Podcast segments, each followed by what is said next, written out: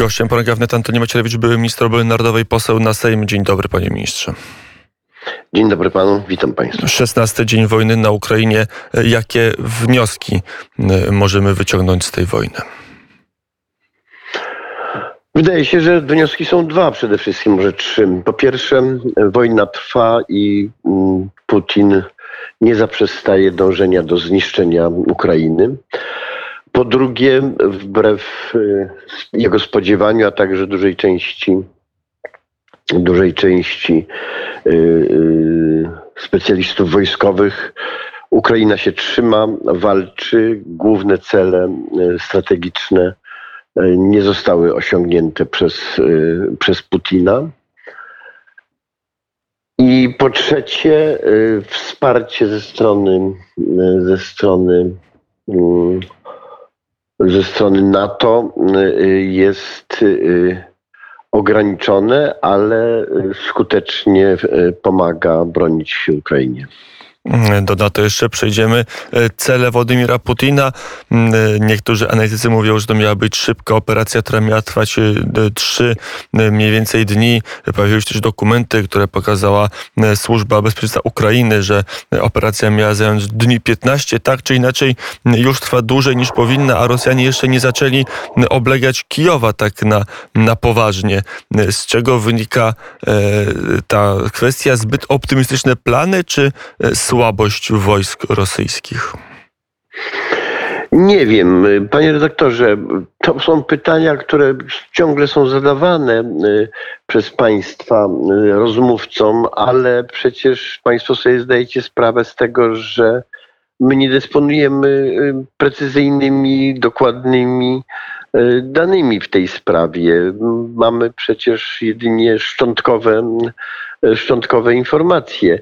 E, jedno jest pewne i to trzeba powtórzyć, bo mówimy to przez cały czas i słusznie, e, że zarówno determinacja wojsk e, ukraińskich, a także polityków ukraińskich, narodu ukraińskiego i dobre przygotowanie wojskowe tutaj miało i ma olbrzymie znaczenie w tym, że Ukraina ciągle jeszcze skutecznie się broni. I to jest chyba główny powód, y, główny kierunek odpowiedzi na Pana pytanie i ciągle zadaje straty wojskom mm, rosyjskim. Kiedy patrzymy na aspekt czysto militarny, pan poseł był ministrem obrony narodowej, angażował się i prowadził modernizację polskich sił zbrojnych, to w tym czysto militarnym aspekcie, jakie są elementy, które możemy wyciągnąć, bo, bo są różne opinie. Jedni mówią lekka piechota i javeliny, inni mówią nie do końca prawda. Tam się Ukraińcy najlepiej bronią, gdzie stoją ciężkie jednostki albo, albo brygady pancerne, albo piechota z, zmechanizowana, a, a tam, gdzie jest lekka piechota ochotnicza, tam oczywiście opór jest, ale, ale on jest słabszy. Jakie są wnioski osobiste pana ministra? Powtarzam jeszcze raz, informacje są ograniczone, w związku z tym to jest, to są, to są spostrzeżenia mm, bardzo uogólnione. Wydaje się, że wszystkie te elementy odgrywają rolę. Najważniejszy jest jednak y, olbrzymia determinacja y, narodu ukraińskiego. Olbrzymia determinacja, olbrzymia zawziętość, olbrzymie przekonanie, że należy bronić ojczyzny i się nie poddawać.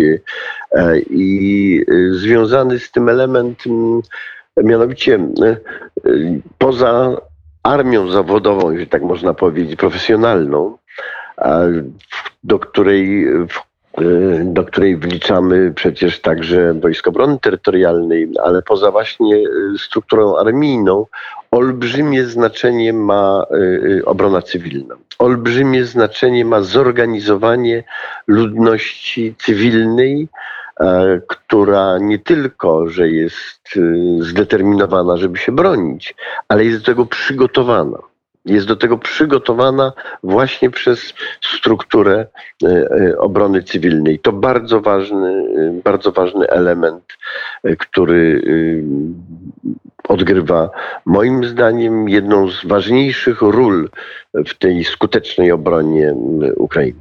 to już powoli odchodząc od tych bezpośrednich wniosków z wojny na Ukrainie, z kolejnego 16 dnia inwazji, obrona cywilna, na ile została uwzględniona i na ile jest odpowiednio zapisana jej waga w ustawie o obronie ojczyzny, którą w tej chwili zajmuje się Sejm? No, to jest sprawa, to jest sprawa, która jest ciągle e, przedmiotem e, dyskusji, przygotowań. Zobaczymy, jak ona ostatecznie zostanie e, rozstrzygnięta. Na razie, na razie mój wniosek o włączenie przepisów obrony cywilnej do tej ustawy nie jest jeszcze ostatecznie rozstrzygnięty. Wydaje się, że założenia y, są takie, by y, ustawa o obronie cywilnej była związana bezpośrednio nie z armią, nie z wojskiem, tylko z ministerstwem, Ministerstwem Spraw Wewnętrznych i że później była procedowana. No ale zobaczymy. Ta sprawa, powtarzam, jest, jest ciągle jeszcze otwarta, dlatego że waga obrony cywilnej jest y, olbrzymia, więc mam nadzieję, że zostanie uwzględniona. Mm, na razie mieliśmy wczoraj mm, element rozpatrywania pracy podkomisji. Za czym jak dalej ta ustawa o obronie ojczyzny będzie procedowana, jak będzie zmieniana, bo jest wola, żeby ją mm, cały czas ulepszać. Drugi element, o którym pan, trzeci w zasadzie w tym wstępie, o którym pan minister powiedział, to jest reakcja NATO. Powiedział pan minister, że ona jest ale, ale z takim naciskiem, że mogłaby być większa. Jak na to powinno... Nie, nie, ja żadnego nacisku nie formułowałem. To, to już może, e, to już może moje dopowiedzenie, ale przynajmniej Ukraińcy mają taką, takie przeświadczenie, że na to mogłoby zrobić więcej.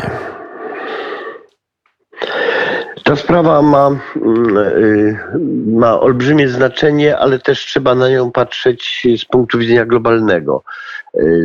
Ta wojna to nie jest tylko wojna przeciwko Ukrainie. Trzeba sobie z tego zdawać sprawę.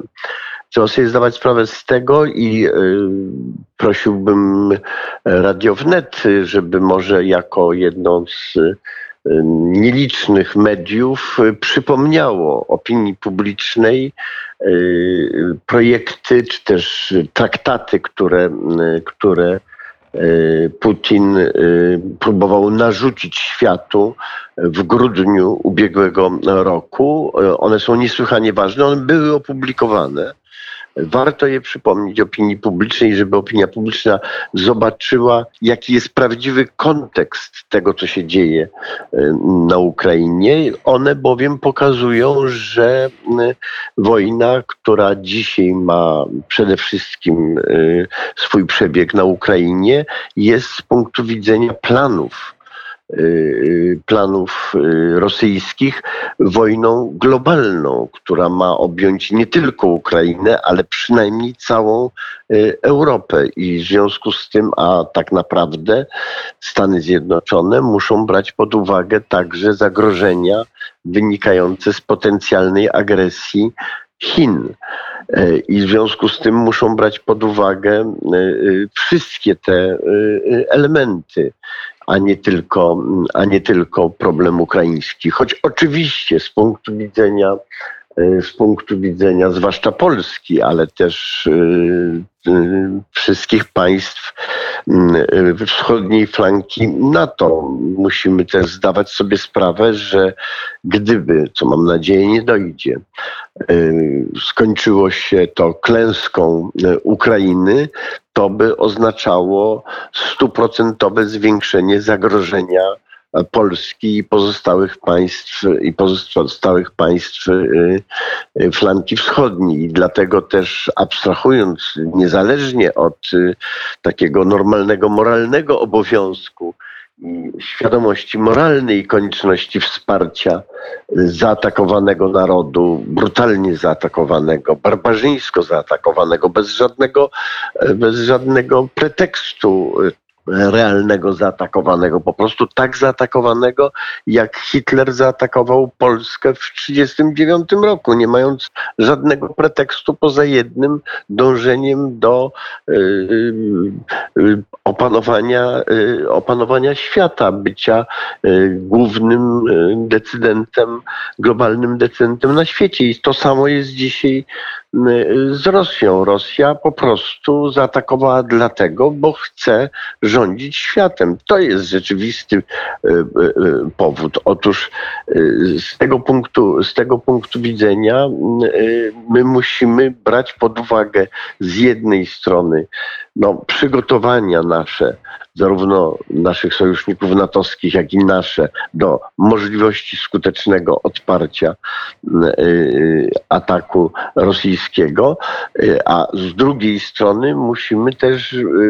Y, musimy też brać pod uwagę, y, y, iż no rzeczywiście Rzeczywiście taki atak jest niewykluczony. Taki atak może mieć miejsce jako krok następny po zdobyciu, po ewentualnym zdobyciu Ukrainy. Dlatego jest w naszym Y, y, także czysto narodowym interesie, czysto y, strategicznym interesie, nawet jeśli odłożymy sprawy moralne, to by Ukraina była zdolna bronić się jak najdłużej. Im dłużej broni się Kijów, tym bezpieczniejsza jest Warszawa. Mm, no to z tego punktu widzenia, jeżeli tak e, wygląda sytuacja, e, to powinniśmy chyba nie tylko javeliny mm, i amunicje i opatrunki na Ukrainę wysyłać. No, wysyłamy też pioruny. Wysyłamy też pioruny. Podkreślam to, dlatego, bo to jest jedna z najskuteczniejszych broni przeciwlotniczych, jaka w ogóle e, dzisiaj funkcjonuje w świecie wojskowym. E, nawet sprzedaliśmy część tych piorunów do e, Stanów Zjednoczonych, co powiem szczerze, mnie nawet zdziwiło, bo one są potrzebne przede wszystkim tutaj na froncie na froncie e, wschodnim. E, ja rozumiem, że Amerykanie chcą mieć tą najlepszą broń, którą Polska produkuje od 2017 roku, ale, e, ale powtarzam, ta broń jest potrzebna Ukraińcom, ta broń jest potrzebna nam.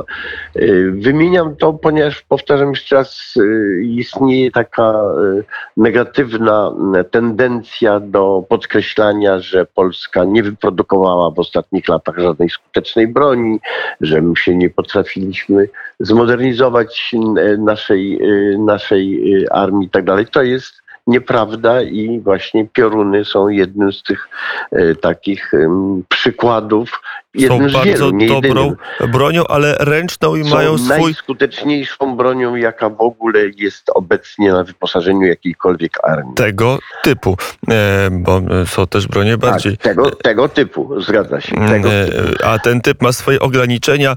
E, ma, cała... ma, to jest 4,5 kilometra wysokości. To jest ograniczenie i 10 km odległości. To są ograniczenia pioruna w przybliżeniu oczywiście, bo specyfikacja techniczna pewnie jest jakoś tam utajniona. Hmm, przy telefonie Antoni Macierewicz, a, ale to w takim wypadku jeszcze rozwiążmy to i rozsupłajmy historię z myśliwcami MIG. Ja wiem, że to temat drażliwy i politycy o tym nie chcą mówić, ale to była historia, która no być może pokazała pewne słabości w NATO, o których warto opowiedzieć, czy też nie. Przepraszam bardzo, może pan powtórzyć, bo ja nie usłyszałem e, y, pytania. Na ile pan minister ocenia sprawczość Sojuszu Północnoatlantyckiego w kontekście przekazania lub nieprzekazania myśliwców MiG na Ukrainę? Jak się zachowała no, administracja no, jak wiadomo, amerykańska? Jak wiadomo, Polska w tej sprawie zrobiła wszystko, co mogła i co powinna. E, dostarczyliśmy, znaczy zobowiązaliśmy się dostarczyć na to, y, y, na to y, te myśliwce, tak by mogły być mm, ewentualnie przekazane do, mm, do Użytku Ukraińcom. Początkowo strona początkowo strona, zwłaszcza amerykańska, ale także mm, brytyjska mm, a, oraz y, y, Unii Europejskiej, bo to się zaczęło przecież od decyzji osoby pełniącej funkcję ministra mm, spraw zagranicznych Unii Europejskiej, który publicznie oświadczył, że właśnie taki akt powinien mieć, takie działanie powinno mieć e, miejsce. Następnie była akceptacja też publiczna ze strony przedstawicieli Stanów Zjednoczonych oraz ze strony przedstawicieli Wielkiej Brytanii. E, I wtedy e, nastąpiła nasza decyzja, proszę bardzo, my jesteśmy gotowi ten sprzęt, bo chodzi przecież nie o udział polskiego, polskich sił powietrznych, żeby było jasne. Nigdy nie było było mowy o udziale polskich sił powietrznych w tych walkach, tylko e, tak jak dostarczamy właśnie między innymi pioruny czy gromy, prawda, tak jak dostarczamy mm, e, groty, czyli e, karabiny, tak jak dostarczamy inny sprzęt i nie tylko my, no przecież to olbrzymi, olbrzymi, naprawdę, to warto sobie uświadomić wysiłek Stanów Zjednoczonych.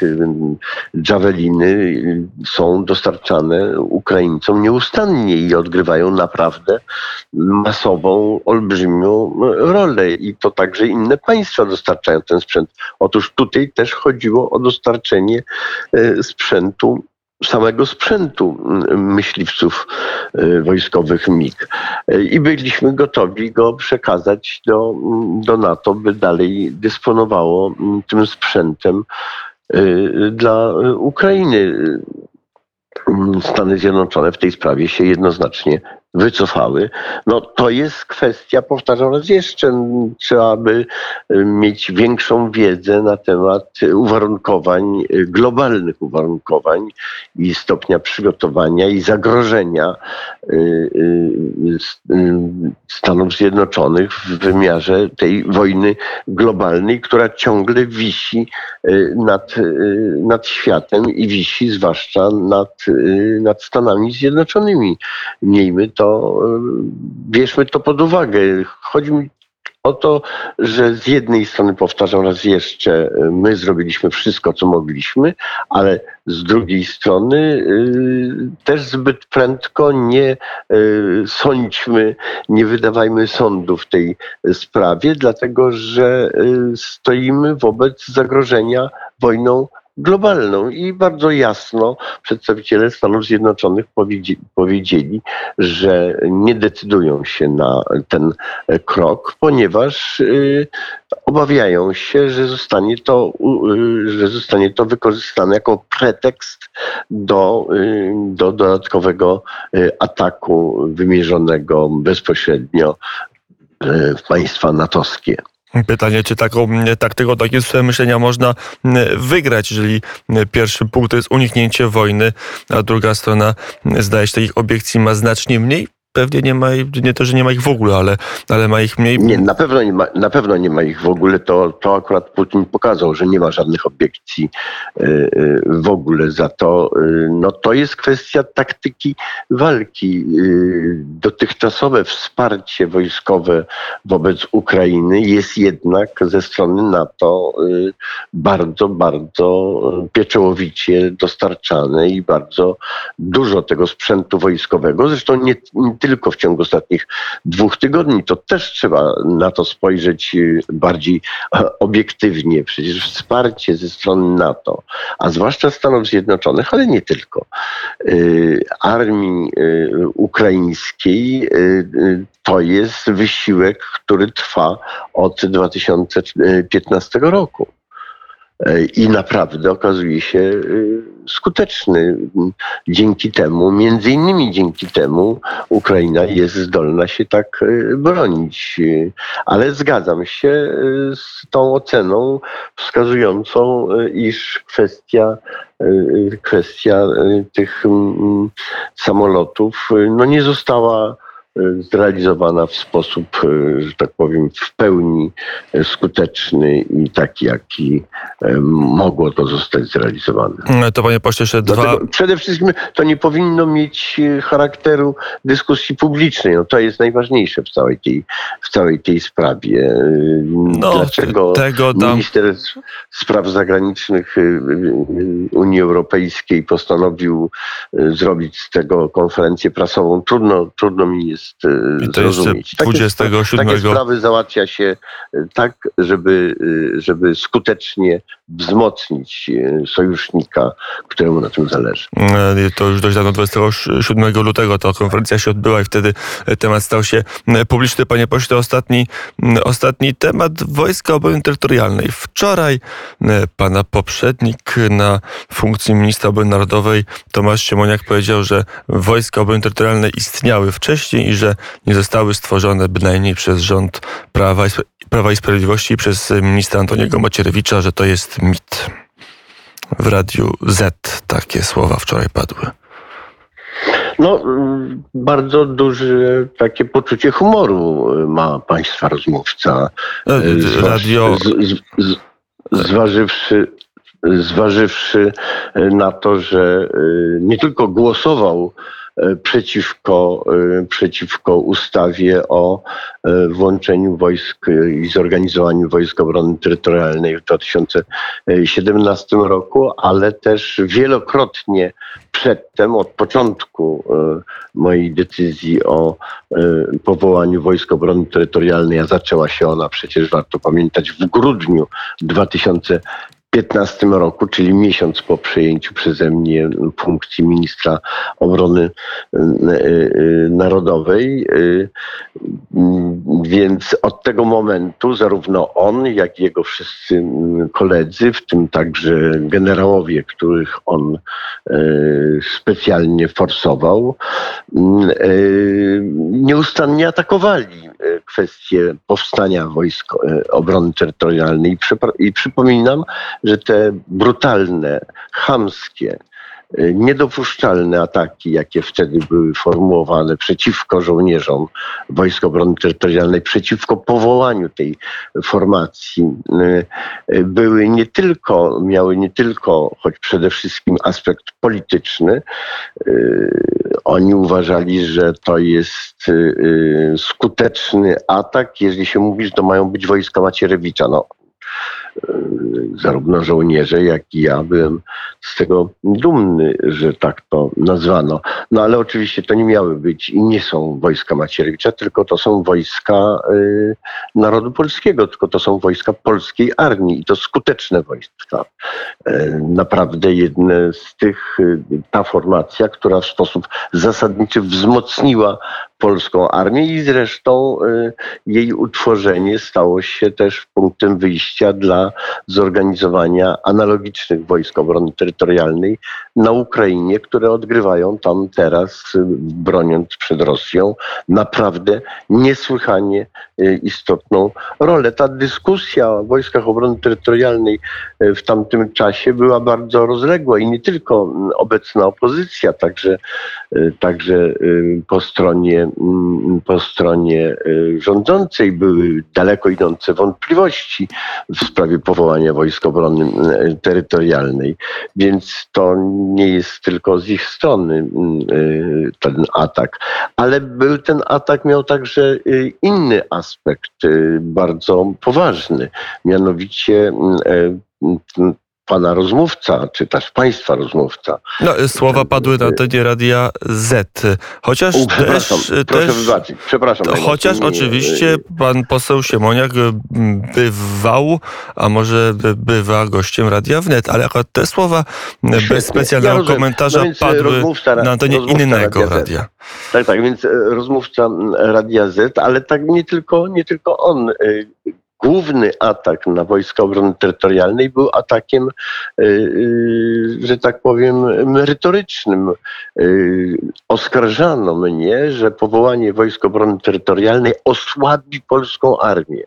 Że zresztą dzisiaj wraca czasami ta, y, ta argumentacja. Niedawno w Newsweeku opublikowano taką, taki materiał y, wskazujący na to, że powołanie Wojsk Obrony Terytorialnej e, sprawiło, że wydano dużo pieniędzy i wysiłku na nieprofesjonalne i nie mające znaczenia y, y, oddziały, gdy tymczasem y, armia operacyjna, ta profesjonalna, ta, która powinna być przede wszystkim obszarem naszego zainteresowania, straciła straciła na tym, że, że wydano nadmiar pieniędzy dla wojsk obrony terytorialnej.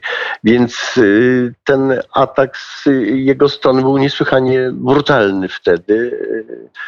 Przypominam y, atak przecież takich generałów jak pan Różański, pan Pacek, y, a także wielu innych tych generałów, którzy teraz występują w TVN, w Radio Z i w różnych innych mediach opozycji jako główni przeciwnicy Putina i główni zwolennicy siły polskiej armii, a byli zaangażowani niesłychanie brutalnie w ataki na e, Prawo i Sprawiedliwość, na ministra obrony narodowej i na wzmocnienie polskiej armii dzięki e, e, organizowaniu powstaniu Wojsk Obrony Terytorialnej. Wojska Obrony Terytorialnej miały liczyć 50 tysięcy w zeszłym roku, no liczą już 30 tysięcy, to jest jedna czwarta polskiej e, armii i to naprawdę pokazuje e, olbrzymią skuteczność i wysiłek modernizacyjny polskiej armii, jaki został zrealizowany. Oczywiście na pewno można było zrobić więcej, to jest w ogóle bezsporne, ale, ale mm, ten te działania y, naprawdę bardzo istotnie zwiększają bezpieczeństwo narodu i państwa polskiego. A z tego co wiemy, ma być jeszcze więcej, bo mają być dodatkowe brygady powoływane między innymi w Warszawie. Antoni Macierewicz y, był gościem Radia Wnet. Dziękuję bardzo za rozmowę. Dziękuję bardzo i dziękuję polskiej armii, dziękuję Wojskom Obrony Terytorialnej za bohaterskie zdolności walki, a zwłaszcza dziękujemy Ukraińcom, którzy broniąc siebie, bronią także Polski i Europy. Mm, powiedział Antoni Macierewicz.